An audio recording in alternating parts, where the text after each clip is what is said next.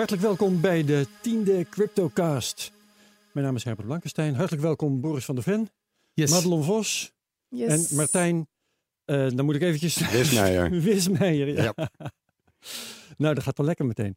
Ehm, en eh, dank aan onze sponsors Bitonic.nl en bitmymoney.com die deze podcast mede mogelijk maken. Wat gaan we doen? De gebruikelijke dingen. We gaan tweets behandelen. We gaan het nieuws bespreken. We gaan de prijzen analyseren. eh, we gaan eh, onze beleggingswedstrijd voortzetten. En we gaan uitgebreid praten met Martijn Wismeijer. Want die doet in eh, bitcoin ATM's, Dat klopt, geldautomaten. en geldautomaten. Betaalterminals. En hij is zelf ook een betaalautomaat, want hij heeft implantaten, bitcoin eh, wallets in beide handen. Hè? dat klopt, ja. Op Ja. één been kan je niet staan, dus vandaar de tweede. Ik heb de, de röntgenfoto's gezien. Ja, eh, ja, ik wilde wel even zeker weten dat het... Dat ze er goed echt zat. zaten. Je zei al, het is heel handig toch? Ja, het is letterlijk heel handig. Ik bedoel, het is geen veiligere plek om je bitcoins op te slaan. En als je hand eraf zou zijn, of, dan heb je toch hele andere problemen om zorgen over te maken. Dus eh, Zo ja, ik raad het eh, iedereen aan. Doet niet moet- zo heel veel pijn ook. Ik ben heel benieuwd om te horen hoe dat technisch werkt. Dat gaan we zo Maar dat doen we straks. We gaan eerst Ja. onze vaste onderdelen afwerken. Bemoei je er gezellig mee. Gezellig, ja. Ehm, en eh, in het tweede half uur kom jij dan uitvoerig aan eh botten en aan het woord. Eh, eerst even de tweets, eh, Boris. Ja. Eh, had jij er een paar? Ehm, ik heb eigenlijk eh, jouw tweets. eh, ja, ik heb de selectie doorgekeken. gemaakt. Inderdaad, Laten je we dat hebt, maar je hebt bekennen. Ja, ja, ja. ja. Zal ik beginnen met Odis een, ja. Ja, dat is nummer één. En die zegt, als jullie het over dagcandles hebben, zijn die dan in de Nederlandse tijdzone? Of is het ehm, eh, UTC? Of is het eh, bijvoorbeeld in New York tijd? Lijkt me vraag voor Madelon. Ja, Madelon, hoe zit dat? Ik gebruik de UTC plus 2 tijd. Maar wat het leuke is als je naar de dagcandle kijkt, dat het eigenlijk niet uitmaakt eh, op welke timezone je zit. Die candle sluit op, overal op de wereld op hetzelfde moment. Oh. Dus je kan je chart zelf aanpassen op het timeframe waar je, of op het moment waar jij zit. En op ieder moment, eh, of op, overal op de wereld, sluit het op hetzelfde moment. Eh, Hoe, hoe wordt dat afgestemd dan? Ik bedoel, Ehm, de nultijd, even kijken waar ze zit die. De. UTC-tijd, dat is de standaard tijd. Die pakt hij als standaard. Dan zou het nu kwart over elf zijn, terwijl wij dus twee uur later zitten. En ik pak hem dus twee uur verder. Maar in principe maakt dat niks uit, want hij sluit overal hetzelfde. Omdat we gewoon in een 24-7 markt zitten. ja. En je kan zelf je eigen tijd aanpassen, zodat je precies weet welke dag, welke candle, of welke uur, welke candle. Er is een, eh, een, een technische analyse die heel erg draait om die tijdsintervallen. En ik, volgens mij is daar wel een issue als je eh, verschillende tijdzones aanhoudt. Welke bedoel je? Ja, de Ton de Mark technische analyse bedoel ik, waar, waar eh, Tony, Toon Vees eh, bekend mee is geworden.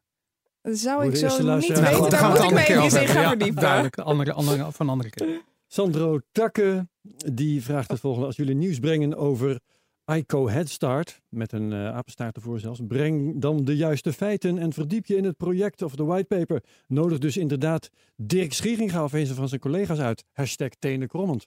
Dat ging eh, over Ja. onze eh, uitingen eh, vorige week. Yes. We hebben smalend gedaan over meneer Scheringa. We hebben onaardig gedaan ICO over, eh, Headstart. Ja, en dat kwam ons ook te staan op een reactie van Scheringa zelf. En dan fiets ik eventjes, want ik had het ergens anders in het draaiboek opgeborgen, maar het komt nou vanzelf aan de orde. Ehm eh, Scheringa en zijn bedrijf hebben met ons contact opgenomen. In eerste instantie met jou, hè, Madelon. Ja, klopt. Eh, want eh, ze waren A niet blij en B hadden eh, feitelijke onjuistheden geconstateerd. Dat werd gezegd. Ja. Ja, ja, ja. Nou, dat niet blij, eh, ja, dat kan gebeuren. Mhm. eh, eh, Het is toch vervelend dat hij niet blij is. dat is Er vervelend. zit er iemand Ja. te luisteren die niet blij is. Nee, nou, het liefst maken we natuurlijk wel iedereen blij. maar aan de andere kant, ja, je zegt dus wat. Ja. Het, het zijn juist door individuen als Scheringa dat cryptocurrencies überhaupt bestaan. Ik bedoel, zonder dit soort... soort bedoel, Bankiers bedoel je? Ja, Ja. eh, hadden we helemaal geen behoefte gehad aan cryptocurrencies. Ik denk juist dat eh, die combinatie van die old school bankers, Mhm. die hebben helemaal niks te zoeken bij cryptocurrencies. Sorry. Ja. Nou, dat, dat was dus als ook we nou mijn niet vraag. oppassen, krijgen we straks... Nou, ik, ik, ik, heb er, ik, ben, ik ben even ingedoken, hè, want ik vond het echt heel interessant hoe hij erop reageerde. Want kijk, wij deden natuurlijk een beetje lacherig van... lijkt me leuk om Dirk Scheringa eh, te horen vertellen wat een unspent transaction output is. Weet je, dat is grappig. En hij zei zelf al van ja, ik ben niet zo technisch onderlegd. Dat is allemaal niet... ehm, dat is allemaal Ja. niet van mij. Dus ik had zoiets van, ja, wat doe je dan in godsnaam als eh, iemand die het zo zwaar aan de stok heeft gehad met de AFM. eh, wat doe je dan als directeur, als CEO van een bedrijf wat zich bezighoudt in een segment wat op ramkoers staat met de AFM. Want we hebben het over financiële beleggingsproducten. Uh, die zij genoemd, want, want hun hele token, ze gaan een token uitbrengen, dat heet dan de Mother of All Tokens. Ja, en met dat, dat is trouwens feitelijk onjuistheid nummer één, want wij hadden gezegd Mother, of All, coins. Ja, nou ja, goed. Het is Mother of All Tokens. Dat is bij deze gecorrigeerd. Oké. Nou ja, goed, ik begrijp wel dat als een bedrijf zoiets in de markt zet, want dat doen ze natuurlijk, ja. dat ze graag willen dat het allemaal correct ja. En het verschil is een een coin heeft tenminste nog zijn eigen blockchain. En een token lift eigenlijk mee op de rug van bijvoorbeeld Ethereum of een, of een, of, of, een dergelijk platform. Dus anyway, ik zou een coin bij wijze van spreken nog meer een compliment vinden dan een token. Maar even dat daar gaat. Het geld wat ze wilden ophalen, de 10 miljoen met de ICO die ze zelf wilden doen met die Motherfall tokens, zou dan geïnvesteerd worden in toekomstige ICO's die zij ook gaan begeleiden. Nou, klinkt als een waterdicht eh, verhaal. Behalve dat het natuurlijk absoluut een financieel verhaal is. En dat je dus uh, problemen krijgt uh, als het gaat om regelgeving van vanuit Europa, uh, daar moet het in eerste instantie van komen. En dan met de AFM. Dus wat doen ze? En dat is natuurlijk best wel slim. Ze nemen iemand aan die als geen andere ervaring heeft met ruzie maken met de AFM. Want Dirk Scheringa heeft gewoon die, die, die rechtszaak gevoerd. en, dus dat, uh, maar dat is dan toch gewoon een kwaliteit? Dan hoef je dat toch ook niet... Ja, behalve dat vanuit ons perspectief heb je zoiets van ja, in, in, in deze uh, wereld, in deze ICO-wereld, waarin 80% van de ICO's mislukt, waarin de, de grootste vijf coins volgens mij uh, al mislukt zijn. In de zin van dat, de, dat de, um, de oprichters er met het geld vandoor zijn. Allemaal dat soort rare statistieken komen er langs. Daar wil je mensen hebben die echt vanuit een fundamentele passie voor, voor de techniek aan de slag gaan. In plaats van dat je daar mensen hebt die overduidelijk bezig zijn met geld verdienen. Ik ga je gewoon advocaat van de duivel spelen. Uh, het kan heel goed zijn, zoiets uh, impliceerde Scheringa ook wel aan de telefoon, hm. um, dat de oprichters van het bedrijf, ja. uh, dat is trouwens punt twee, hij is, het is niet zijn bedrijf in de zin van dat hij het heeft opgericht, het is niet zijn coin. hij is ingehuurd als CEO. Navid dus, Habib is de oprichter. Er zijn dus, ja, hij ja. noemde drie namen, was ook okay. Alexander geloof ik.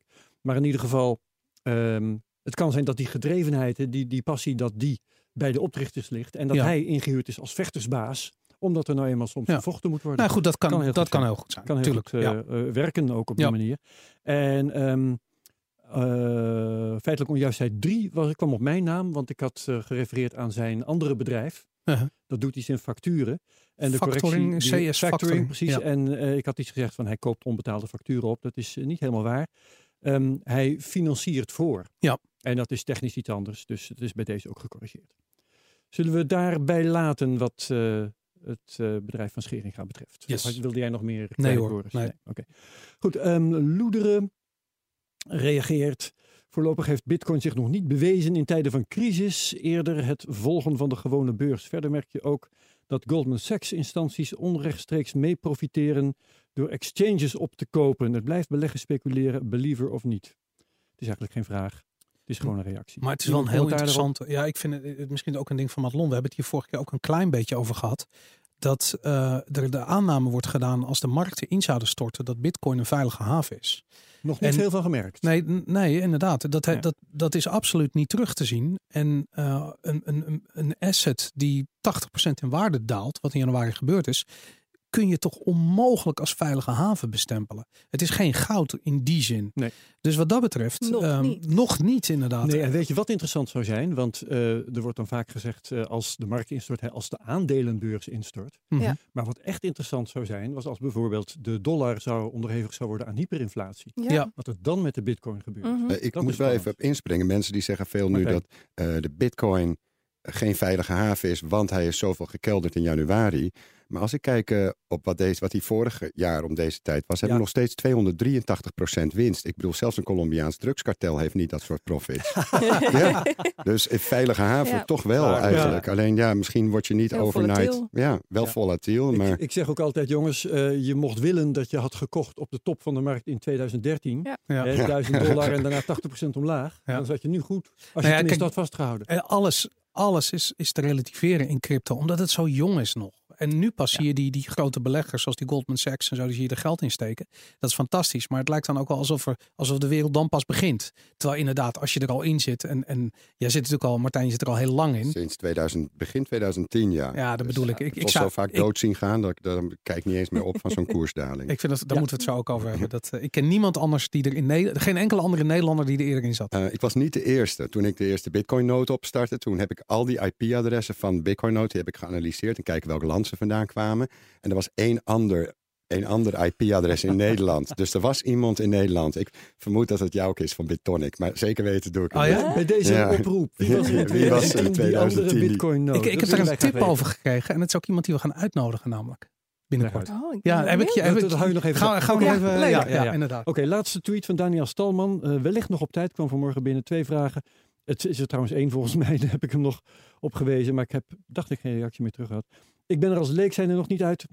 Ehm, een online wallet of hardware. Dat was trouwens naar aanleiding van jouw ingebouwde wallets, Martijn. En eigenlijk snap ik de werking van een hardware slash offline wallet nog niet. Voor het weinige wat ik nu heb is online prima, maar wat als je met serieus geld instapt? Ik heb hem om te beginnen aangeraden om mijn boek te kopen. Ja. Maar eh, wie wil, kan even heel snel Ja, dit is aan Martijn. Daniel Ja, ik denk echt dat eh, het, verschil tussen een hardware wallet of een online wallet of ja, een, een wallet in je telefoon, is dat bij een hardware wallet je private keys, dus de die je nodig hebt om uit te geven, die, die verlaten nooit, maar dan ook nooit die hardware wallet. Dus het is in principe, nou, in principe zeg ik, onmogelijk om die private keys te stelen. En En dat is, daardoor dat is zo'n USB-stickachtig apparaat. Hè? De Klopt, ja, een ledger of een, ik zelf geef ik een voorkeur aan de Trezor. Ja. Eh, die, die hebben gewoon wat meer kennis in huis. En ik vind ze zelf vertrouw ik daar meer op, omdat ze gewoon technisch zijn ze veel beter, die mensen daar. Eh, of gewoon, ja, een paper wallet. Dat is de meest eenvoudige manier. Je kan naar eh, bitcoinpaperwallet.com en dan kan je eigen paper wallet genereren op een, eh, op, ja, op een computer die dus niet op het internet staat. En dan creëer je je eigen private key. Die kan je eventueel encrypten. En die kan je vervolgens in of een chip in plant zetten. Of zelf geef ik tegenwoordig de voorkeur aan een eh, Trezor. Maar ook daar moet je een soort van recovery seed. Dat zijn 12 tot Ja. 24 woorden. Mocht de Trezor ooit eh, in het water vallen, zelfs dan doen ze het meestal nog. Maar Ja. eh, mocht die dus echt kapot gaan, koop gewoon een nieuwe. En dan kan je die 24 woorden gebruiken om eigenlijk al je bitcoins weer terug te krijgen. Dus als, als je een investering maakt van meer dan 100 euro, de prijs van, een, van, van eigenlijk zo'n Trezor of zo'n Ledger, koop dan gewoon een ledger van die eerste 100 euro. Dan weet je tenminste dat het veilig zit. Ik bedoel, ik ben meer dan 80% van mijn bitcoins kwijtgeraakt. Dus eh, ik heb de hard way geleerd, dus, geleerd. Maar eh, Gaan we hier straks nog meer over Ja. vragen. Eh, maar ja, volgens mij is iedereen aan deze tafel is het daarmee eens. Hè? Serieus geld moet op een hardware wallet. Ja. Ja. absoluut. En, maar, maar ik denk ook van je, eh, als je een tientje uitgeeft aan crypto, dan behandel je dat alsof het een tientje waard is. Maar je moet het eigenlijk behandelen alsof het eh, over vijf jaar een miljoen waard is. Want dan ga je erover nadenken. Ja. En, dat, en Ja, vanuit ja, ja. die mentaliteit. Jij zegt ook al van je bent 80% kwijtgeraakt. Waarom? Omdat het toen niks waard was. En je hebt het als zodanig behandeld. Eh, soort ja. van. Soort Waarschijnlijk. van, ik doe een paar aannames. Daar gaan we straks meer Ja, over horen, want we, lopen niet op de zaken vooruit. We gaan eh, met het nieuws eh, verder. Eh Madelon, wat is jouw nieuws? Ik had een nieuwtje dit keer over Verge. En eh, dat was een hele interessante, want Verge die ging op een gegeven moment door het dak. De koers die schoot eh, onwijs omhoog.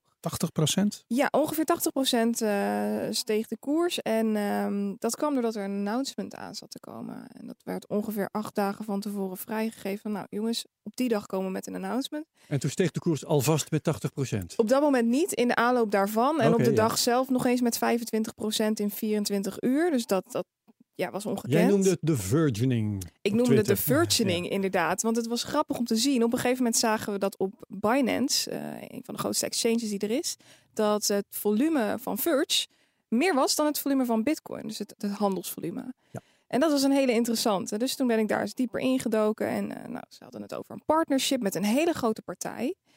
En wat ze altijd zeggen, buy on the rumor, sell on the news. Dus iedereen ging inkopen. En op het moment dat het nieuws naar buiten was, dat was om tien over vier, stortte de koers met bijna 30% in elkaar. en dat kwam eh, nou ja, natuurlijk doordat het nieuws bekend was, maar ook omdat de samenwerking eigenlijk helemaal niet een samenwerking was. Of althans, het werd bestempeld door velen als geen samenwerking, maar als een toevoegen van een payment channel. En dat had te maken met eh, de samenwerking met Pornhub. En dat is een hele grote partij, maar het enige wat zij deden Waar was... ken ik je- dat nou van? Zou je dat toch wel kennen, Boris? Pornhub. Ja. is er niet een, eh, iets op het internet? Ik weet het niet. Maar ehm, wat zij dus hebben gedaan is een payment, system toegevoegd en dat is Verge. Dus je kan nu betalen met Verge bij Pornhub. Maar ja, als we dan dat, dat zouden terugkoppelen op Bitcoin, bij hoeveel uh, partijen kun je wel niet met Bitcoin betalen? Hebben die Ja. dan ook allemaal een partnership, samenwerking met. Ja, dus, dus dat was een, dus. beetje, een beetje raar. En inmiddels eh, is het weer rustig omtrent Verge. Oké. Ik heb er trouwens een limerick over. Over Verge? Of over Nee, over. er was eens een site op het net met veel pornografische pret. Daar had men de schrik, begrijp ik. Want ik heb nooit op die dingen gelet. Geweldig. Oké. ehm, Boris. Nieuws, ja. Ik, eh, wat mij opgevallen was, is dat ehm, een andere token het heel erg goed doet. En dat is de Basic Attention Token. En ik ben niet zo heel erg van de tokens. hoor. Ik ben sowieso niet van de ICO's. Ik, ik, weet niet, ik ben wat dat betreft gewoon misschien best wel ouderwets daarin. Want ik heb altijd zoiets van, het moet zichzelf echt bewijzen. Behalve dat deze partij iets doen wat ik heel erg tof vind. Ze zijn met een browser gekomen. De Brave. De Brave browser. En op een gegeven moment ben ik een beetje de Brave browser gaan proberen. Ik dacht, wat is het dan? En het is eigenlijk best wel goed. En het blokt niet alleen alle advertenties. Het blokt ook alle scripts en alle trackers en cookies en weet ik veel wat het er allemaal is. Hmm. En geef je een prachtig overzichtje van wat er allemaal geblokt is. En wat heeft die coin ermee te maken dan? Ehm, nou, je kunt dan, eh, omdat niemand meer iets verdient, die, eh, eh, als je online content maakt, wat ik zelf ook doe voor mijn werk. Dus ik heb zoiets van, ja, dat, dat is dan een probleem. Dus je verkoopt geen advertenties meer. Maar eh, wat zij dus zeggen van eh, mensen die eh, via de Brave browser naar je content gaan, die kunnen bijvoorbeeld naar je content gaan. Die kunnen een, ja, een donatie doen of betalen voor het kijken van content met die B- BAT token. Nou vind ik dat iets minder interessant. Behalve dat zij dat verhaal hadden.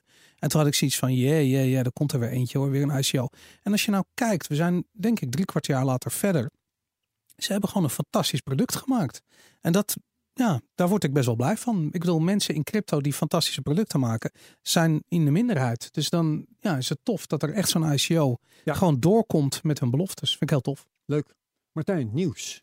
Ah, ehm, ik eh, let zelf niet zoveel op de prijs, moet ik je eerlijk zeggen. Dat, ehm, ik voeg liever wat qua infrastructuur toe Ja. aan de ecosfeer. We hebben er net eh, ja, best wel flink wat automaten weer verkocht. En we hebben even kijken, Flashcoin toegevoegd, Smartcoin en nog één Monero support. Eh, ik denk dat eh, ziet, eh, ja, we hebben het vaak over de toch wel traceability van Bitcoin transacties. Dus het hebben van support voor Dash en Monero zagen wij als een grote stap, omdat ja, binnenkort een nieuwe regulering op AML D5 die eraan zit te komen in Europa, wordt, wordt het verplicht om voor elke bitcoin een handelaar of eigenlijk exchange om bij te houden precies welke coins aan wie zijn verkocht. Dat is vergelijkbaar met alsof je de ING het serienummer van elk bankbiljet wat je uit, eh, uit de muur haalt of uit de automaat haalt, dat het geregistreerd wordt aan jouw naam. Wauw. En dat is best wel, ik vind het best wel schandalig, omdat ja, het, het zegt namelijk niets. Als ik naar de bakker ga en vervolgens wat, wat,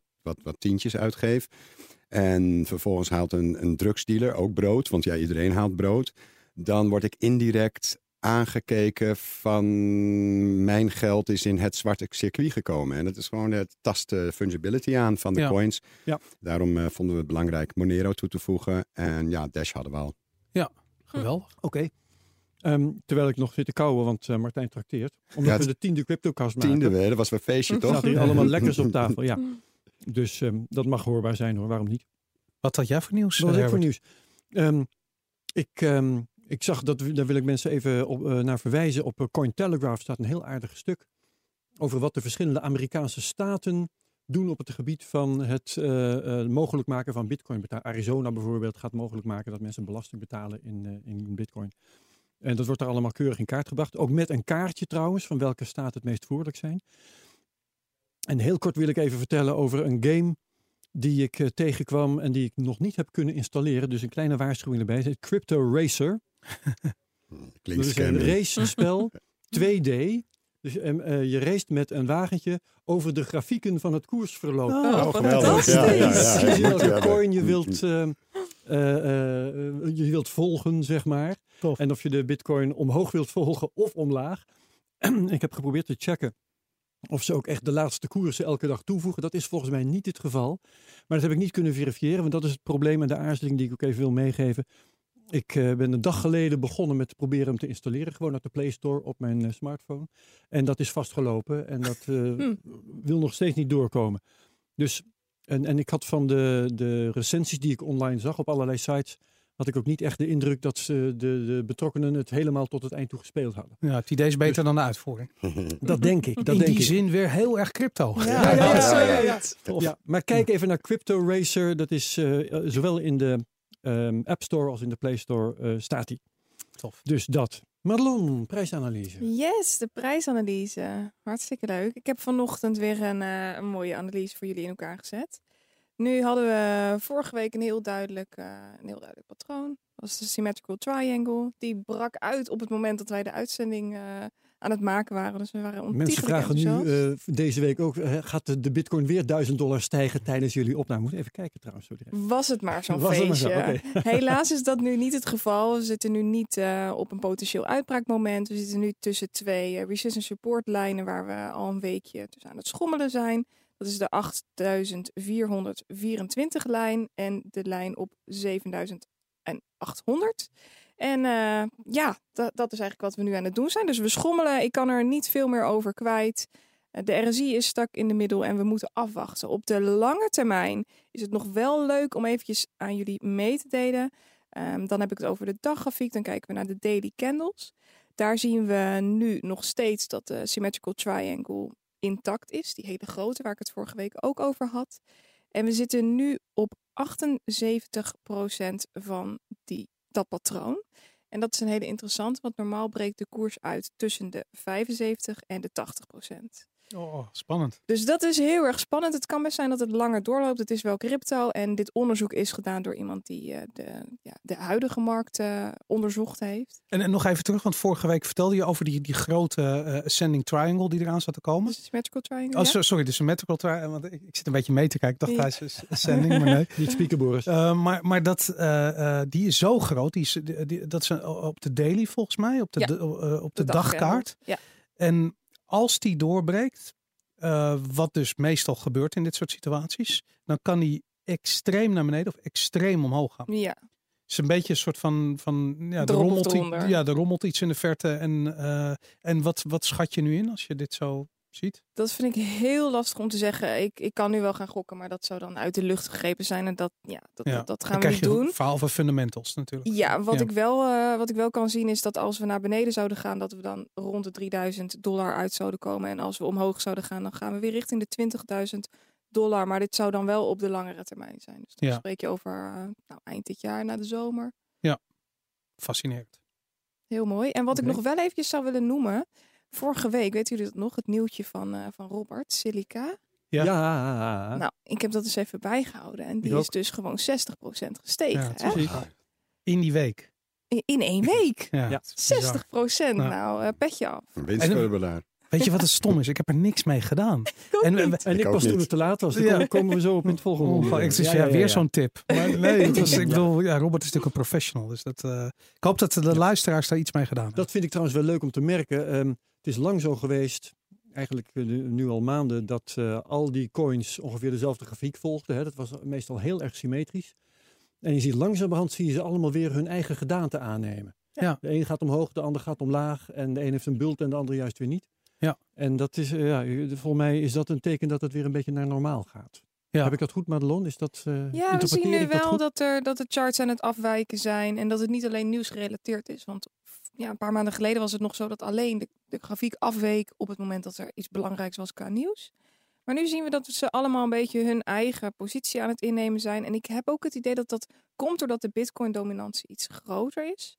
Waardoor het effect van nou ja, het geld wat nog in de altcoins zit, eh, ook groter is. Dus ik, ik denk dat het daar wat mee te maken heeft. En wat we nu de afgelopen tijd ook zien, is dat ehm, de overige tokens, los van Ethereum, Bitcoin, Cash, Litecoin, Ripple, dat die steeds meer aan het toenemen zijn. Dus de, kleine, eh, de kleinere coins met een lagere market cap, dus niet de top 10 coins, die nemen meer eh, dominantie aan.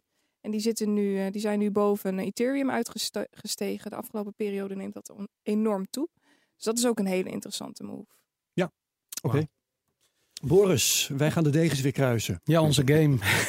Hoe gaat het met jouw portefeuille? Mijn voor, voor de duidelijkheid, we hebben 1000 euro virtueel, eh, 1000 Dollar. sorry, dollar hebben we ingelegd in verschillende coins. We volgen onze eigen strategie. Ja, we- En, dit is eh, geen beleggingsadvies trouwens, nog eventjes benadrukken. Nee, want dat kan Ehm, hele ernstige gevolgen hebben. Ja, en dat gaan we nu, dat gaan we nu aantonen. Situatie. ja. De gevolgen, want van Mentale mijn, weerbaarheid gaat ook eh, kapot. dat sowieso. Van mijn Ja. oorspronkelijke 1000 dollar is op dit ogenblik 884 dollar 27 nog over. Ehm, dus op zich valt de schade nog mee. En dat is het enige positieve wat je erover kunt zeggen. Nee, Want- niet waar. Want eh, je kunt ook zeggen dat het eh, het dieptepunt is geweest. Tenminste, vooralsnog. Dat, nou, maar dat weet je niet. Nee, dat weet je niet. Maar je, je bent nu weer uit een dal aan het klimmen. Dat wel. Ja, dat, zo voelt het. Maar ja. Je, je stond toch ook op 700 zoveel kort geleden? Ja, klopt. Ja, ik Ja. ben ietsje naar boven aan het gaan. Maar, dat- maar, maar dat, dat, dat kan zomaar. Nee, Ik, ik heb nog die, die symmetrical triangle, eh, dat verhaal van Madelon in mijn hoofd. Het kan dat, terug dat, naar eh, 3000. Daarom inderdaad. En dan is het echt gedaan met mijn portfolio. In ieder geval wat, ik, eh, eh, wat mij opvalt, is dat de coins waar ik uitstap, want ik, ik- nou goed, dat Ja, wat, wat, steeds- wat voor beslissingen heb je genomen de laatste tijd? eh, wat ik gedaan heb, je is had om- ooit Icon gekocht. Ja, dat, ehm, eh, dat doet nog wel wat. Die is 7,68% gestegen sinds eh, de afgelopen 24 uur. Dus dat, dat heeft wel, wel iets gedaan. Ehm, maar niet zo. het heeft het niet beter gedaan als ik gewoon Bitcoin had gehouden. Ja. Want ik heb ongeveer Ja. de, de, de helft van het bedrag had ik in Bitcoin gestoken. En ja, er is dus nog 434 dollar over van, dat, van die oorspronkelijke 500 dollar. Dus dat is iets boven gemiddeld ten opzichte van de rest van het portfolio wat er nog over is. En dat, eh, dat is VeChain en Bitcoin Private. En Bitcoin Private, al zou ik het willen, is het lastig om te verkopen. Al komen er wat exchanges bij. Eh, maar ik geloof toch in privacy. Dus ik dat zoiets van Bitcoin, een sterke merknaam plus privacy. Ja. Dat is Maar je hebt ook VeChain in je portefeuille inmiddels. Ja, dat- dat goed? Ja, en dat heeft eh, nou ja, 6,9% gedaan. Maar in deze wereld, dat zegt helemaal niks. Nee, dat is nee, nee, nee. 6, dat 6 is 7 procent. Ik bedoel, als het geen dubbele cijfers zijn, dan, eh, dan kan het morgen zomaar weer weg zijn. En de grootste stijger, die stond toevallig nog in mijn, in mijn overzicht, ehm, wat ik niet meer heb, maar dat is Z Classic. En dat is bizar, want dat is een, eh, een project wat na eh, de fork die leidde tot Bitcoin Private helemaal dood was. Daar wordt niet meer aan ontwikkeld. De ontwikkelaars hebben gezegd, we stoppen hiermee, we trekken onze handen ervan af. Maar doet desalniettemin vandaag toch eventjes plus 13,5 procent. Ehm, en dat is crypto. Dat is het bizarre. Dode projecten worden gewoon verhandeld. En mensen kopen het of bots kopen het. Ik, ik, ik snap daar af en toe helemaal niets van. Nee, nou oké, dat moet ook kunnen. Ehm, hoe gaat het met mijn portefeuille? Nou ja, ik, eh, ik heb het even nagekeken hoe de afgelopen, sinds we ermee begonnen, Ja. hoe, het, hoe het ermee is gegaan. Ik doe het even uit mijn hoofd, want mijn staatjes heb ik op de redactie laten liggen. Ehm, het is eh, met ongeveer 100 euro per week, is het, eh, sorry, 100 dollar per week is het omlaag gegaan. Ja. Vorige week eh, stond ik zelfs op meer dan min 50 procent. Ja, je hebt nog 26 626 dollar 34. heb je Op dit moment, op dit precieze moment zelfs 627,59. Oh, nou dat is toch 80 Baas cent boven baas. Ja. Ehm, dus eh, ik ben ook weer even iets boven het, het minimum van vorige week.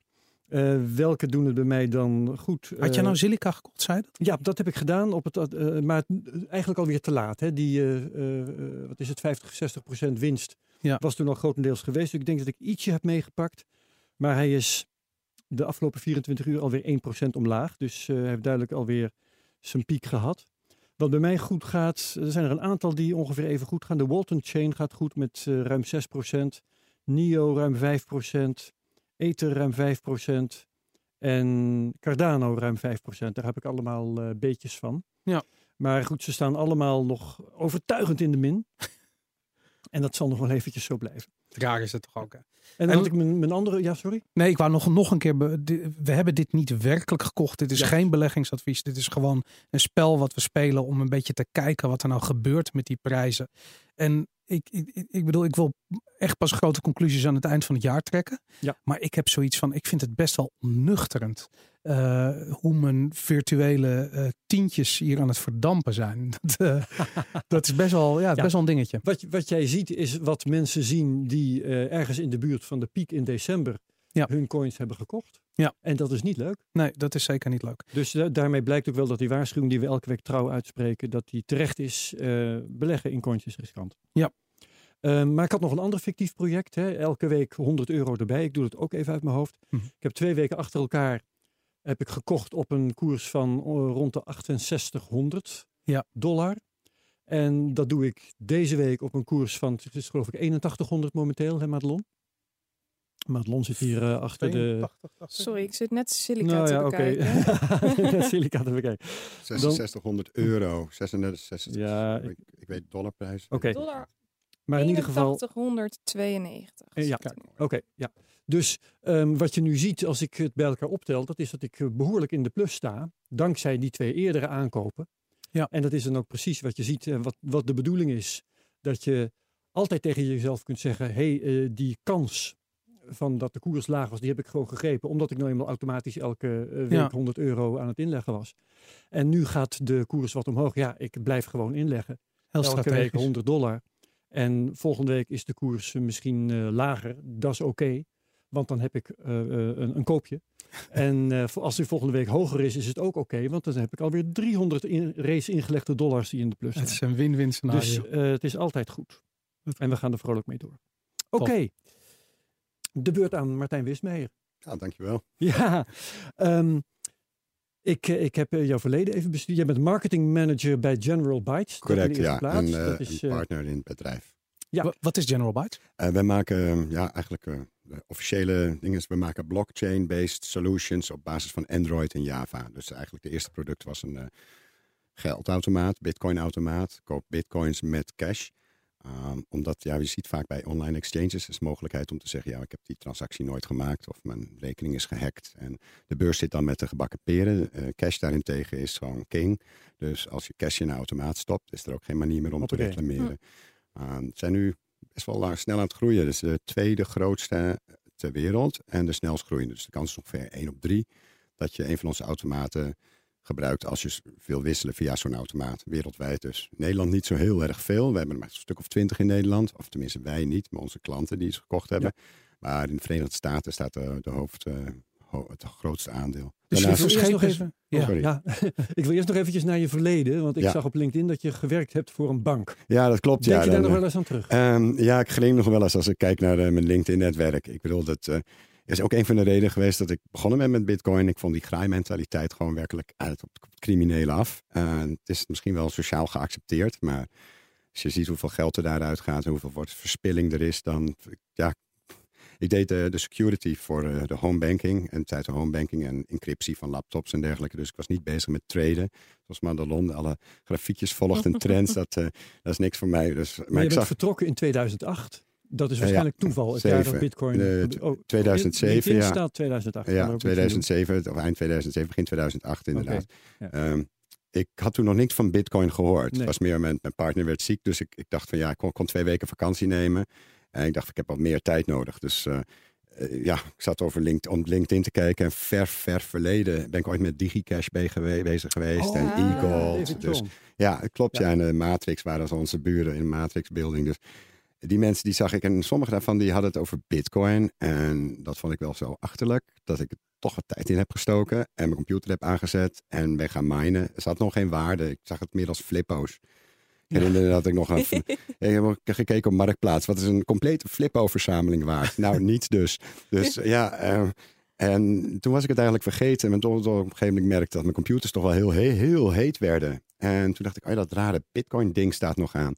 En toen ging ik kijken en toen verdorie, had ik 50 bitcoins. Ja, die waren nog, nog, hadden nog geen waarde. Maar toen had ik zoiets van, ja, misschien moet ik er toch maar wat beter naar kijken. En juist omdat je dan wat bitcoins hebt, kan je het netwerk gebruiken. En dan pas zie je wat het werkelijk kan. Tot die tijd is het gewoon een raar virtueel iets. En dan kan ik mensen, gro- ja, vind ik zelf... Ik, kon, ik, ik zag de mogelijkheid niet. Maar toen ik eenmaal wat bitcoins zag, dacht ik, dit is gewoon programmeerbaar geld. Hoe kwam je aan je informatie in die tijd? Ehm, dat was moeilijk. Die moest ik, die moest ik eh, ja, toch een beetje bij elkaar rapen. Er was, er was een, eh, een forum ehm, waar ik die whitepaper heb gevonden van Satoshi Nakamoto.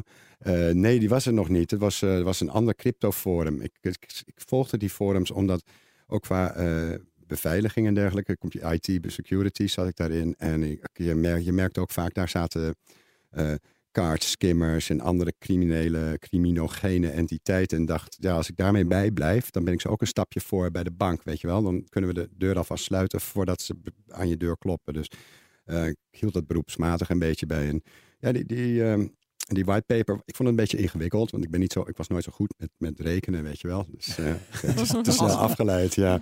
Uh, ik, ik, zag wel de mogelijkheden. En ik dacht eigenlijk, het is eigenlijk een beetje e-gold, wat je hiervoor had. Een soort van PayPal, maar dan op goud baseerd, ja. als goudstandaard. Gecombineerd met BitTorrent, weet je, wat je doet met de Pirate Bay. Oh ja. En die combinatie die leek me wel geweldig. Dus uh, toen me eenmaal die API geleerd, die dus bij je wallet zit. En, en daar vanuit verder gegaan. Ja, en op een gegeven moment ja, dan moet je toch een toepassing verzinnen. En iedereen vindt het toch maar heel erg virtueel. Dus toen, toen, toen zijn we begonnen met die ATM's. Dat was in 2014. En je zegt net, uh, er staan er twintig in Nederland, maar de meeste gaan naar het buitenland. Ja, absoluut. Uh, Amerika. Je hebt er intussen 1500 verkocht? 1550 of zo was het vanochtend. Dus we gaan al flink. Eh, gaat, het gaat steeds sneller. Merk ja, ook hoeveel verkoop je er nu per jaar? Oh, dat, dat durf ik niet eens te zeggen. Omdat uh, ja, die groei is exponentieel geweest. En nu hebben wij dat wel kunnen bijbenen. Door steeds minder mensen aan te nemen. Nieuw kantoor, tweede productielijn. Dus in mijn vraag staat: kun je ervan leven? Maar dat ja, ja, ja. Het geval. Ja, ja, absoluut. dus we Wat zijn kost met... één zo'n bitcoin automaat? Even kijken. We 3.999 dollar voor een BATM 2. Dat is een one-way machine.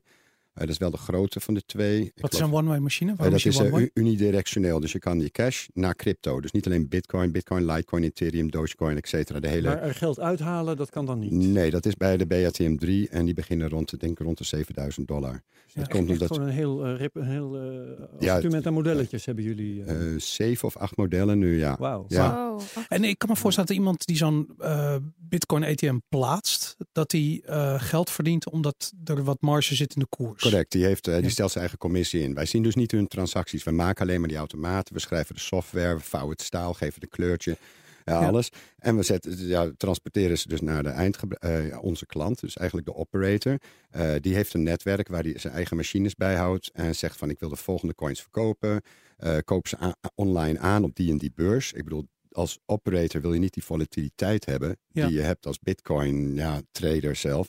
Dus eigenlijk zijn het allemaal market orders die gemaakt worden op het moment dat iemand fysiek geld in het automaat stopt. Dan wordt er een market order gedaan op de beurs die voor dat automaat is uh, geconfigureerd. Zodat de prijs zo dicht mogelijk ligt. Correct, bij de... correct. En... en daar zet je je fee op. Dus je kan zeggen van nou gemiddeld, je kan op coinatmradar.com, dat is een website met al die ATM's, tenminste een groot deel daarvan. Daar zie je ook de, uh, ja, de, de, de, de, de commissie, de gemiddelde commissie die wordt gevraagd. Die staat nu op iets van 8% of zo. Ja, dat lijkt veel. Mm, maar het is eigenlijk, ja, weet je, als je 280% op jaarbasis verdient met je Bitcoin-portfolio, dan is het wel het makkelijkste en snelste manier om wat cash te kopen. General Bytes is een puur Nederlands bedrijf? Uh, nee, nee, ik ben de enige in Nederland. Oh, okay. uh, we hebben zijn in, in Praag zijn we gevestigd. Dus we kunnen niet trots over een Nederlands product Ja, spijtig genoeg niet. Het is ontzettend moeilijk om hier goede programmeurs te vinden. Uh, produceren van apparaten, dat doen we eigenlijk niet meer in Nederland. Dat doen we allemaal in China en dan plakken we onze naam erop. Dus ja, dat ik vond het wel jammer. Ik heb uh, hiervoor toen Bitcoin Embassy gestart. Eigenlijk met het doel om meer uh, blockchain en crypto professionals bij elkaar te krijgen. nog weten wat dat is? Ben, ben, uh, ja, het is een soort van beroepsvereniging. Ja, okay. maar het was moe gewoon moeilijk om mensen bij elkaar te krijgen. Ja. En ik denk dat het, die, die, dat is ook een beetje cultureel. Als, wij, als je Nederland zegt, als je het in Nederland maakt, dan koop je iets op plek A. En vervolgens verkoop je het op plek B. Je hebt je commissie erop. Bang, je bent een goede zakenman. En in Praag is dat niet zo. In Praag ja, als je iets wil maken in het leven, dan moet je iets maken. En als je echt helemaal niets kan maken, dan ga je maar van een stukje staal ga je bestek gaan vouwen of zo. Maar je, moet iets maken, anders vergeet het maar. En dat is gewoon een verschil van mentaliteit. Ik ben er echt heel blij mee, want iedereen die maakt ook zijn vrije tijd. En allemaal, allemaal zijn ze handig met een 3D-printer. Uh, ze kunnen allemaal programmeren en wij kunnen eigenlijk alleen maar ja, dingen consumeren. En dat is niet zo heel erg. We kunnen ook goed handelen. Maar in de tijd van AliExpress en zo wordt het allemaal toch wel steeds moeilijker voor ons om daar ergens een beetje wat aan te verdienen. Ja. Wie kopen jouw uh, Bitcoin-automaten? Ah, daar waren voornamelijk in het begin. We zien een beetje die markt veranderen. In het begin zagen we heel vaak dat het individu individuen waren, crypto-enthusiasts. Van mijn, mijn ouders hebben een hotel, of familie heeft een hotel of een restaurant en ik wil daar Bitcoin accepteren of ik wil Bitcoins verkopen. Maar dat is, dat is toch wel over de, nou ik denk vorig jaar toch wel verschoven naar, ja toch meer geprofessionaliseerd die markt. En je ziet dat voornamelijk in Amerika, dat zijn de bedrijven die, die hebben al ATM's, gewone geldautomaten. Die hebben op veel locaties, zoals in supermarktketens, hebben ze dus gewone geldautomaten. Die exporteren ze. In tegenstelling tot in Nederland, waar alles van de bank is. Je hebt altijd een ABN AMRO-pin, een ING-pin. Maar daar is het allemaal ja, eigenlijk geprivatized. Dat zijn dezelfde bedrijven die dus daarna nu daarnaast gewoon een bitcoin-automaat neerzetten. En dat is voor ons wel prettig, want we hoeven maar één keer die service te doen. We hebben één klant die weet Ja. wat hij koopt. En we kunnen in plaats van één verkopen we 50 apparaten. En Ja, dat is ja. ook deels de groei die we zien. dat is een waardeloze markt eigenlijk altijd. Nee, die hebben we ook graag. Eh, maar, maar, maar, maar het is wel het is gewoon meer werk qua support, ja. dat, is, dat is wat ik bedoel. En wat ik benieuwd ben, wie, wie maakt er gebruik van die Bitcoin ATM's? Wat voor soort mensen Ja. besluiten om daar Bitcoins te kopen? Het woord is grappig dat je dat zegt. Ik zag, ik kreeg eh, vanochtend, eh, gisteren kreeg ik een, een mailtje vanuit Bratislava, dat is Slowakije, waar drie vrouwtjes van nou ver in de tachtig, die stonden daar helemaal met gekromde rug, stonden die bij zo'n BATM2 Nee. en die stonden daar geld in te doen van ja, bitcoins, bitcoins voor de kleinkinderen. dus ja, ik, dat die dingen dus eh, zeer eh, ehm, Ja. mensen wil je toch eigenlijk meteen interviewen, hè? Ja, ik vind, ik vind het heel machtig. Ja. Dat was iets Hey, van eh, Instagram, ja. En hoe, ik ben benieuwd hoe dat technisch werkt. Want als je, je stopt er geld in, Correct. en hoe komt die Bitcoin dan in jouw wallet terecht? Ah, voordat je geld in kan stoppen, moet je eerst met je telefoon of met je chipimplant of je kaartje, moet je je adres scannen. Dus de machine zal geen geld accepteren eh, voordat hij weet waar het naartoe moet. De reden voor is, is mocht de stroom uitvallen Ja. dan, en de transactie is maar half-half gedaan, dan kunnen wij automatisch, of tenminste die software kan automatisch dan alsnog de coins versturen. Ehm, dus eh, ja, het, het- je, je scant eigenlijk je adres. Eh, vervolgens zegt hij in- ja, insert money. Eh, of je selecteert welke coin je wil hebben, Bitcoin, Litecoin of iets anders. Eh, je scant je adres, je doet het geld erin. En eigenlijk wat er dan gebeurt is dat de machine die praat tegen de server. De server is in beheer bij de operator. En die koopt gewoon op market orders, koopt hij dat direct aan op de beurs. Of som, in sommige gevallen, zoals eh, ja, er zijn mensen met heel veel bitcoins, zoals Charlie Shrem bijvoorbeeld in de Verenigde Staten. Die, die, die, die, die verkoopt gewoon vanuit zijn eigen wallet. Dus die Ja. heeft helemaal niks aan te kopen. Die denkt gewoon, ja, ik heb zoveel bitcoins, maakt me niet uit. Market rate is eh, waar ik het voor koop, verkoop. Dus, eh, Zit er dan niet een hele hoge fee op? die fee, ja, die is hoger dan online. Ja. Eh, daarentegen zie je dat in Nederland zijn we een beetje verwend met betaalsystemen zoals Ideal. Dus grote exchanges hier in Nederland, zoals BitTonic en nou, de, de andere Bit My Money. Ja. Die, die kopen dus eigenlijk, die mensen kopen daar aan via Ideal. Mhm. Ehm, in de Verenigde Staten en in veel andere landen werkt dat eigenlijk gewoon niet. Dan hebben mensen al snel hebben ze PayPal nodig. En dat is absoluut ongeschikt om crypto aan te kopen. Mhm. Dus Waarom? ja, eh, omdat er, je kan eh, maanden later nog altijd zeggen van... hé, hey, mijn account is gehackt, ik wil mijn geld terug. En vervolgens krijg je als eindgebruiker je geld terug. Maar dan zit dus de exchange, die heeft al de bitcoins verstuurd. En die zit in één keer met een gapend gat in het budget. Aha, Eh, dat is- gebeurt ook echt. ja, die fraude Ja. die is hoger dan het aantal werkelijke transacties. Dat is ook net precies het Oeh. probleem met, ja, met met dat soort betaalsystemen. Ideaal is daar vrij, vrij, vrij goed in. Eh, dat is, die, die, die fraude is toch wel wat terug te dringen. Maar in het geval van cash, we hebben nog nooit fraudeleuze transactie gehad op geen enkele van die apparaten. Want ja, eh, dus kan gewoon niet. het kan gewoon niet. Nee, en, Ja. en er wordt goede detectie gedaan of het vals geld is. Want vals geld, ja, ik bedoel, een automaat heeft maar één taak en dat is het geld controleren. Dus ze wil wel dat het geld echt is. Mhm. En dus, ja, Er zit natuurlijk nog een functionaliteit in, die misschien een beetje secundair is, maar dat is het feit dat je eigenlijk anoniem, want cash is anoniem, eh, bitcoins kunt aankopen. Ja, dat is een misvatting. Ik moest ook bij de Nederlandse bank moest ik, eh, ik moest een spreekbeurtje houden. Waarom dat dus eh, allemaal niet zo heel erg beangstigend is als dat je in eerste instantie zou denken. dus eh, ja, Hol van de leeuw. in, eh, ja, in, veel, in veel gevallen, en zeker voor, voor kleinere bedragen, is dat geen probleem. Kan je gewoon anoniem, kan je dus ja, misschien 100 euro of zo, of 200 euro, ik geloof dat in Nederland wat meer is, eh, kan je gewoon aankopen. Maar voor grotere bedragen, eh, ja, hoewel crypto niet gereguleerd is, hebben we wel degelijke regulering voor ehm, ja, eh, ja, gewoon cash. Dus je hebt je aan, aan limieten te houden. Die, de, de software die is zo, en de apparaten zijn zo dat ze kunnen vingerafdrukken unlocken van de machine. Ze kunnen one-time pins sturen via telefoonnummer van je, eh, je mobiel. Eh, even kijken, eh, selfie scan, selfie met ID-card scan, ID-card scannen. Dus afhankelijk Wow, van... Dus, eh, eh, door een van die hoepeltjes op zijn minst moet je springen als je afhankelijk, koopt. wij, wij leveren alleen maar de automaten, we schrijven de software en we zetten al die functionaliteit staat per, per sta- standaard uit. Ik vind zelf vind ik het een beetje namelijk overdreven. Er zijn heel weinig criminele bitcoin-transacties, dus het is een beetje overdreven, maar het is het meest zichtbare punt in het hele ecosysteem van cryptocurrency. Dus het, ook het eerste wat ze zullen willen uitzetten, reguleren. eh, Het Ja. aanschaffen van bitcoins voor eh, fiat geld. Mag niet Ja. anoniem. In sommige landen. en dan klopt, kun je ja. dat aanzetten. En ja. eh, ja, in de Verenigde Staten is het zelfs zo dat eh, ja, eh, de, de eigenaar van de telefoon kan achterhaald worden via een service. En dan kan je controleren als operator of de eigenaar van de telefoon ook de eigenaar is van de ID-card. Eh, de zitten de OFAC-list, dat is de Designated eh, Nationals. Of, in- dat is eigenlijk een lijst met personen die niet mogen vliegen. Nou, onze, onze insteek is als ze niet mogen vliegen, dan moet je ze ook geen crypto verkopen. Dus eh, die, die wordt automatisch door de software gedownload. Oh, Eén druk op de knop, kan de operator dat checken. Maar ik moet er wel bij zeggen, dat is allemaal decentraal. Dus elke operator heeft zijn eigen AML KYC database. We houden dat niet centraal bij, omdat we, ja, decentralisatie is het toverwoord. Dit, dit klinkt als een hele hoop dingen die jullie aldoende hebben moeten uitvinden. Dat wist je vast Ja, niet allemaal al op de dag één dat je begon. Vijf jaar ontwikkeling, echt eh, Ja. met meerdere personen. Hoe vaak ook. zijn jullie op je gezicht gegaan eh, voordat de eerste Bitcoin-automaat, of laten we zeggen de honderdste, ergens eh, stond te zoomen? Oh, we, we- het, in het begin verkochten we helemaal niets. Eh, een product wat niemand wilde hebben, hadden we gemaakt. En dat was eh, ja, toch wel teleurstellend.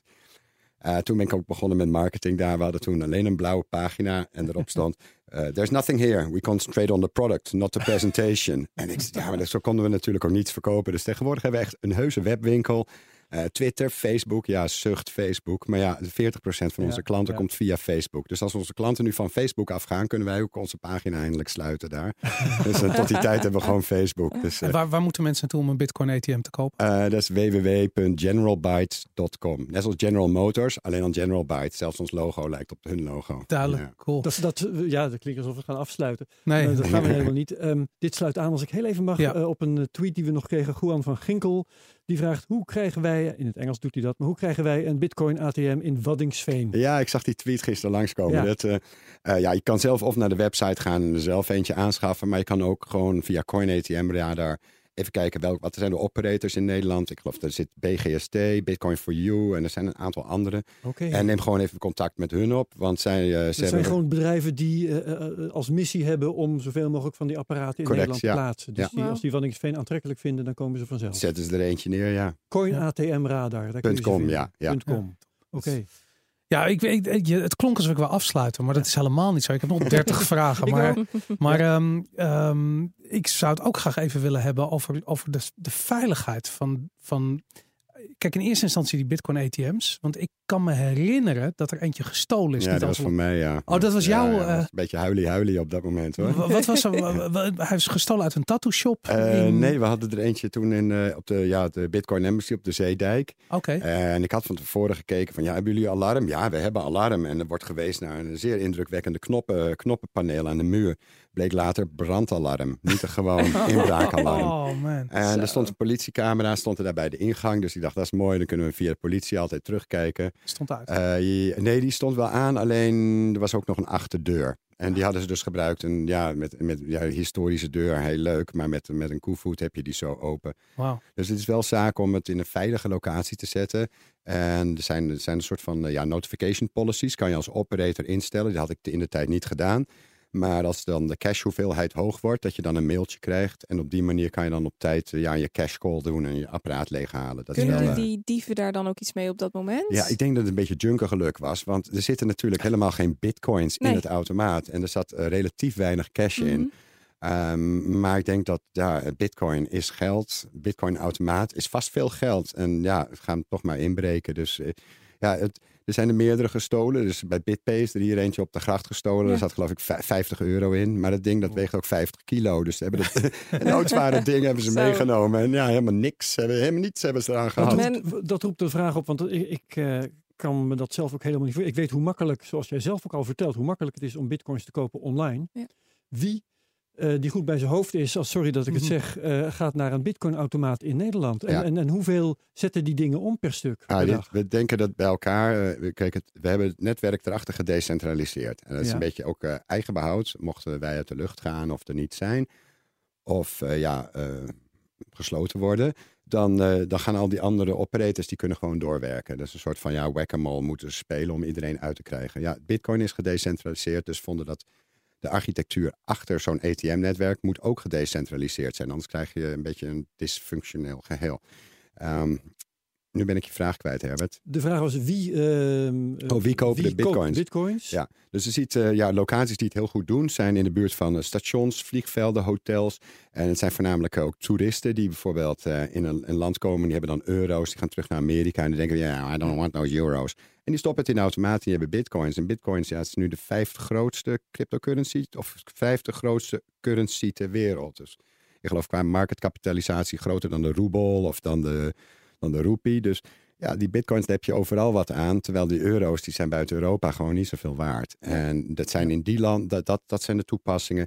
Daarnaast heb ik zelf zoiets van, ja, als, als ik na een avondje stappen nog wat cashgeld over heb, dan stop ik dat ook. Ja, dan is dat handig om, om in bitcoin te wisselen.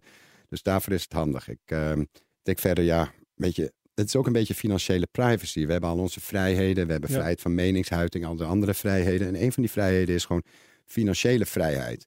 En hoewel we overal kunnen pinnen, uh, geven leven daar wel heel erg in op onze financiële vrijheid. En dus ik heb zoiets van, uh, dit is ons recht, use it or lose it. En de andere vraag was, hoeveel zet zo'n apparaat om? Ah ja, uh, we zien dus niet, niet direct de omzet. Uh, we zien ongeveer na zes tot negen maanden komen mensen binnen voor een tweede order, de, op onze klanten.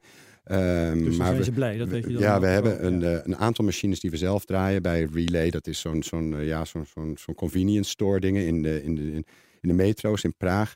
En als we die gegevens extrapoleren naar alle automaten die we verkocht hebben, schat ik dat we in totaal de automaten bij elkaar zo'n 40 tot 60 miljoen dollar per maand omzetten op dit moment. Maar dat, dat aantal is flink aan het groeien. Verdeeld over 1500 uh, Correct, ja. Apparaten. Ja, ja, dus dat, ja, uh, de ene die, thuis zou ik zeggen. Ja, de ene verdient wat meer dan de andere. Uh, we zien duidelijk wel verschillen als je een 24 uur locatie hebt, het is altijd beter. En ja, alles in de buurt van stations en zo, dat, dat werkt altijd. Dat is gewoon uh, ja. gegarandeerd. Ja. En kun je ook met een pinpas betalen of kan je alleen met contant nee, geld nee, betalen? Nee, want stel je voor dat uh, uh, iemand die vist de pinpas uit de brievenbus van een ander. En ja. twee dagen later ook de pin. En vervolgens betaalt hij met pin. En dan de eigenaar van, van die van die pas die zegt: Ja, maar dat heb ik helemaal niet geautoriseerd. Vervolgens wordt het direct teruggeboekt. En als we ook nog eens een keer doorhebben uh, dat het een Bitcoin-automaat is, dan wordt het een soort van magneet voor katvangers. En om die reden zal je nergens in de industrie een apparaat vinden wat pinbetalingen accepteert en bitcoins uitgeeft. Er zijn wel bedrijven die het hebben geprobeerd met creditkaarten. Mm Australisch bedrijf, ik geloof Diamond Circle en zo in 2014. Die zijn allemaal failliet, dus die bestaan ook niet meer. En we toch over shady transacties hebben. Ja. Uh, wat is het maximum dat ik erin kan stoppen? Um, en nou, dat, dat is afhankelijk. En ik geloof dat in Nederland is het 15.000 per persoon per maand of zo. Dat is de cash transactielimiet. Die limieten die stellen wij niet, niet vast. Die is gewoon geen limieten. De, elke oh, operator is verantwoordelijk om te complyen met zijn local wet, lokale wetgeving. Je ziet dat in sommige landen zijn er helemaal geen limieten voor. Uh, dus ja, het is een beetje afhankelijk van hoe het ingesteld is. Wij raden altijd aan, controleer de, uh, ook al is er geen regulering voor cryptocurrencies, pak gewoon de regulering voor cash transacties, want die is namelijk altijd. Ja. Um, hoe, is, en, hoe ziet die in Nederland trouwens eruit? Ik geloof dat het tot 2000 euro is. In een maand? Nee, dat is per dag, per persoon uh, of per week. En ik weet het niet precies, maar in ieder geval 15.000 per maand. Ik okay. weet dat dus, misschien is dat veranderd ondertussen, maar toen ik zelf die ATM's nog exploiteerde hier in Amsterdam en de rest van Nederland, uh, toen had ik, ik vulde mijn ATM's vulde ik met bitcoins van, bitcoin, oh, van traders. Dus elke automaat werd geadopteerd door een trader, die zorgde voor het bijvullen van de wallet. En elke keer als ik cash eruit haalde, dan gaf ik een overzicht. Plus dan gaf ik het cash. Maar ik zorgde ervoor dat ik nooit boven de 15.000 per maand per trader uitkwam. Want anders moest ik in één keer hun ID vragen. En ja, ik bedoel, ja, ja.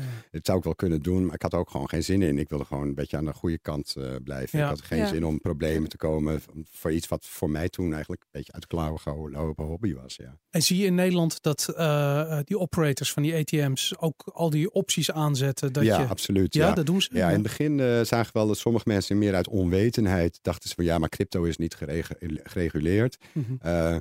Nou, ik wijs er zelf wel, wel op. Uh, de grootste, ik geloof in Amsterdam, is BGST. Die, is daar, die heeft gewoon die limieten. Ja, ik denk dat ze.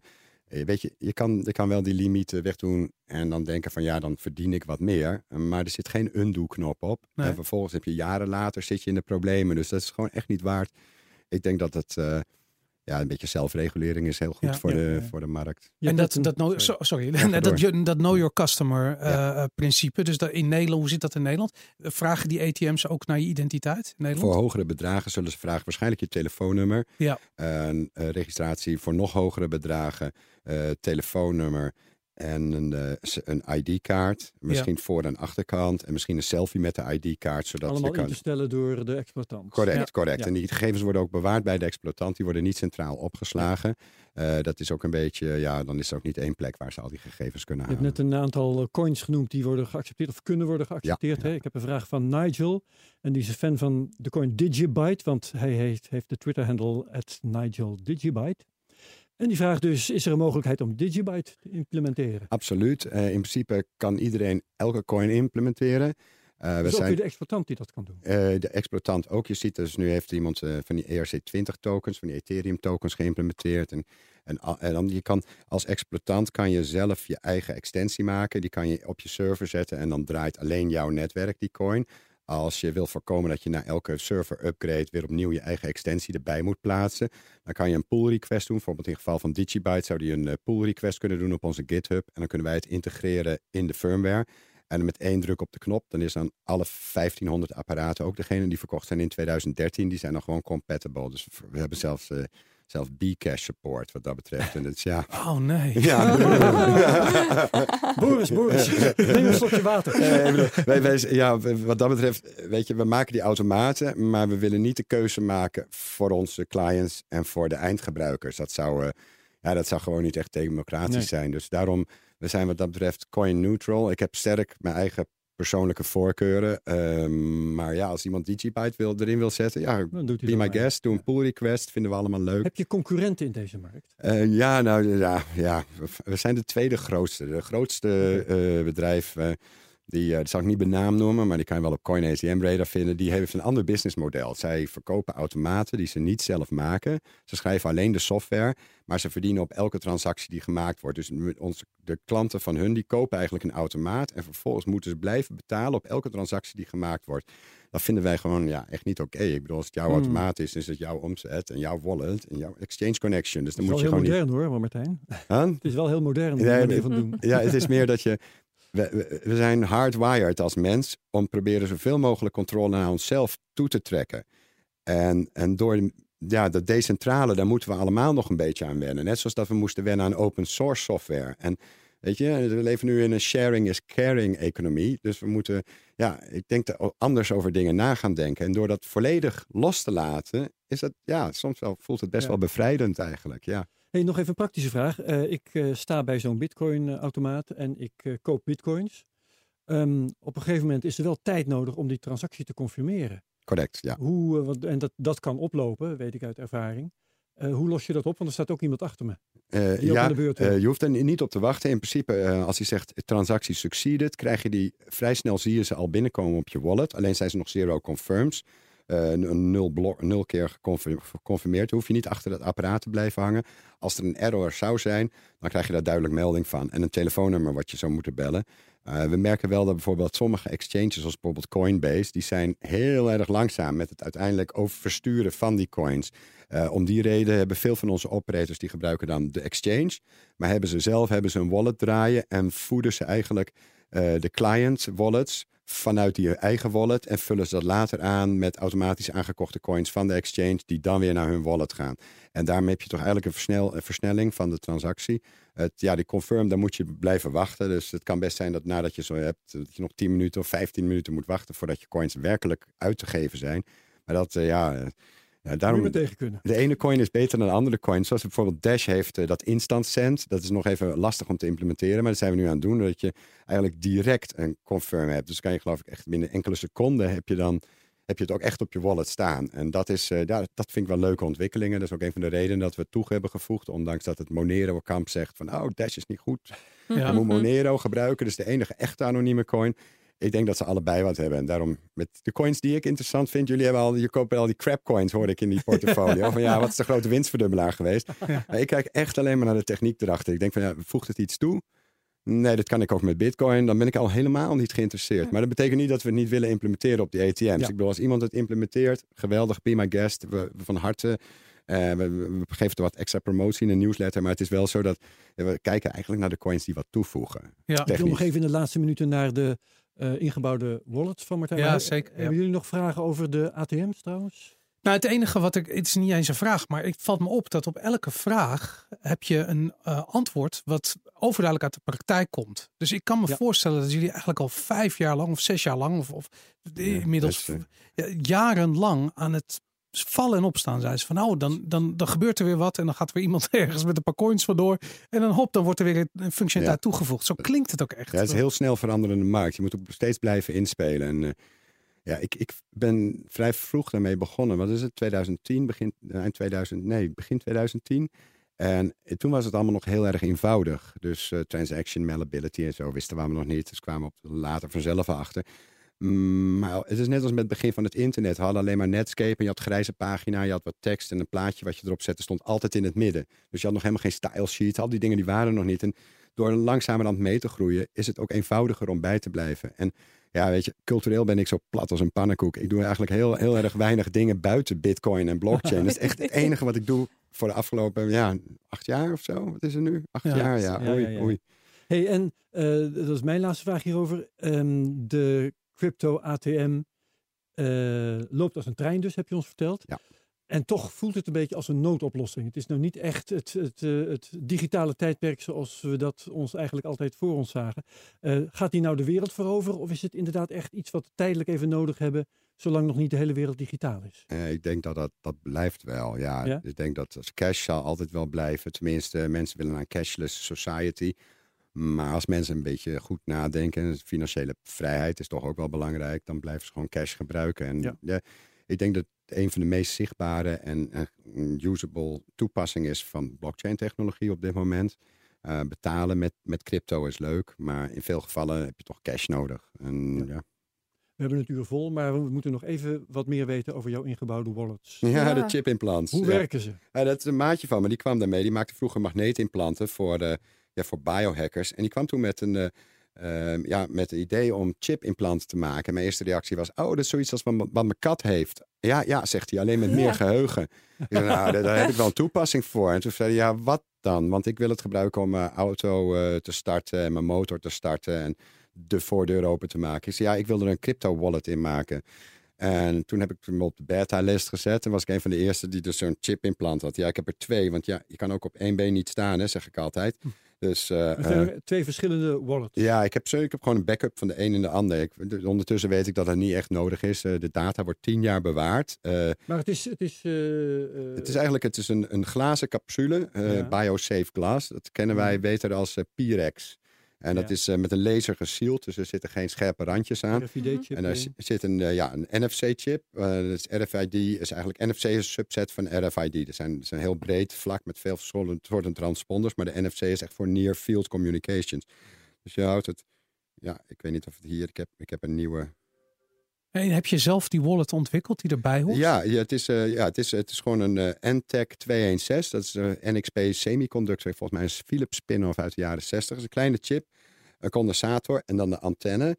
Uh, de antenne die pakt de straling van je telefoon, die laat de condensator op totdat er genoeg stroom is. En dan geeft hij dat af aan de chip. Die chip doet kleine berekening en die stuurt dan het resultaat terug. En ja, de security die erin zet, nou, dat is ongeveer vergelijkbaar met een autosleutel. Dus absoluut niet secure. Daar heb ik dus ook helemaal niet verder helemaal niks mee gedaan.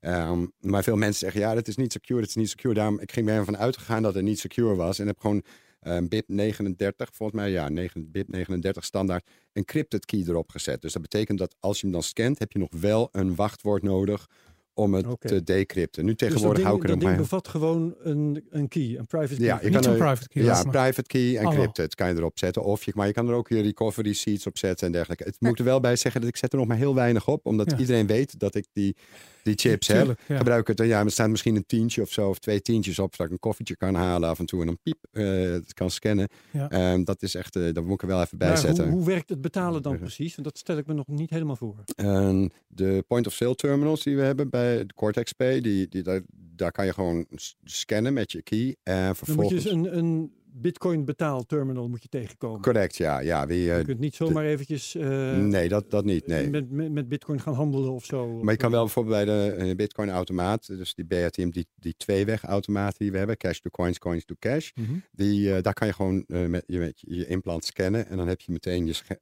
adres op het scherm. Dus, dus dat is ja, best wel makkelijk. En je zei nog je telefoon. Sorry. Sorry. Sorry. Is het dan een soort van paper wallet? Moet ik me dat erbij voorstellen? Ja, dat is, dat is denk ik de beste vergelijking die je kan maken. Ja. Je ziet het eigenlijk als een, een paper wallet die ja. je opslaat in plaats van op papier op een uh, chip implant. Mhm. Mm -hmm. die, de, het schrijven van die, van die chips is ook vrij eenvoudig. Kan je hem vergelijken met een, een stapel post-it notes. Elk, elk briefje kan je een klein beetje opzetten. Niet een heel verhaal, maar een klein beetje. En dan het Mhm. volgende briefje. Dat zijn zogenaamde NDEF records. En je kan in elk kan je, nou, je kan 26 van die vakjes heb je. Dus je hebt eigenlijk een stapeltje met 26 post-it notes. En daar kan je private keys op bewaren, recovery seeds. Uh, Wauw. Ja, kijk, je kan zelfs een, een heel klein gifje kan je erop zetten. Maar het is, het is in totaal maar 800 nog wat bytes. Dus het is echt minimaal. Maar ja, ik ben van de jaren 70. Toen hadden we een Atari spelcomputer, 2600. En dan draaide je Pac-Man op nog minder geheugen. En Space Invaders en Frokker. Dus ik ben helemaal... Ja, ik vond, het, ik vond het meer een uitdaging om met zo weinig geheugen te kunnen werken. Dan dat ik het zag als een limitatie. Ja. Ik vind het geweldig. Ja. Maar we moeten langzaam het ophouden. Ah, ja, laatste, maar- laatste ronde nog. Ja, ga jij er eentje laten implementeren? Ja, Herbert? moet je hebben, Nee. Herbert. Ja. Voor je silica. Dan zet je daar je silica. ja. Ik zal erover denken, maar het lijkt me toch meer iets voor een wat, eh, een wat later staan. Ik denk, want dat blijkt ook wel uit jouw, verhaal. Je kunt er nu nog niet zoveel mee. Jij, kunt, jij weet dan een plek waar je daarmee terecht kan. Ik Ja. niet. Er is maar één plek in, in Nederland waar je het kan laten doen. Het is echt geen Ja, ik wil DIY het laten project. doen, maar ik ja. bedoel ook het gebruiken. Oh ja, het is eh, vrij eenvoudig. Tegenwoordig, eh, we hebben toen die Mycelium wallet hebben aangepast, zodat je ook met Mycelium wallet direct naar je wallet kan scannen. Mhm. Eh, dus nu is wel de infrastructuur daar. Dus het is niet, niet meer zo experimenteel als dat het was. de in de 2014. mobieltjes, die kunnen dat in elk geval, dat Ja, heb je ook laten zien. hè, Android. dat je- ja, ja, Ja. ja. Dat bedoel ik inderdaad. Ja, dat je dus je mobiele Dat telefoon gebruikt als transactiemedium. En die key zit gewoon in je hand. Of in Ja, je klopt. chip. Ja. Ja. Ik ben er nog niet aan toe, denk ik. En jij, Boris? Nee, ik ook nog niet. Maar dat is puur psychisch. Ik vind het wel heel gaaf, om heel Wow. eerlijk te zijn. Misschien oorbel? Ja, ik- jullie zeggen ik ben er niet aan toe, maar dat was precies. We hadden toen die, die, die, die NFC-compatibility in de automaten ingebouwd. En dat we beseften dat niet, that's not for everyone. En daarom hebben we toen een dispenser ingebouwd die NFC, dezelfde chips, maar dan op een kaartje, weet je, een Ja. bankpasachtig iets, kan dispensen en on the fly kan programmeren. En dat is, dat is denk ik ja, een geaccepteerde format. Iets op een pasje is een bankpasje, hou je veilig, jouw geld, pasje kwijt, geld weg. Dus Ja. dat, dat, dat, dat is makkelijker te beseffen Ja. voor veel. Maar het is in principe precies hetzelfde als een chipimplant. Ja. Oké. Ja. Het is moeilijk om een gesprek met Martijn Wismeijer te beëindigen. Sorry. maar we gaan het toch doen. Eh Bor- Martijn Wismeijer, dus bedankt. Ja, jullie bedankt. En- en Leuke ook show. Voor, voor het snoep dat je had meegebracht. Heerlijke soetjes. We gaan er op de redactie nog even mee rond. Als ze niet gesmolten zijn. Boris van der Vent bedankt. Yes. Madelon Vos bedankt van IEX.nl. Dat hadden we nog Yes. niet gezegd. Boris van Game En jij bedankt, Herbert. En ik ook bedankt. en dit was de CryptoCast nummer 10. We zien jullie graag volgende week terug voor nummer 11. Bedankt. Dag.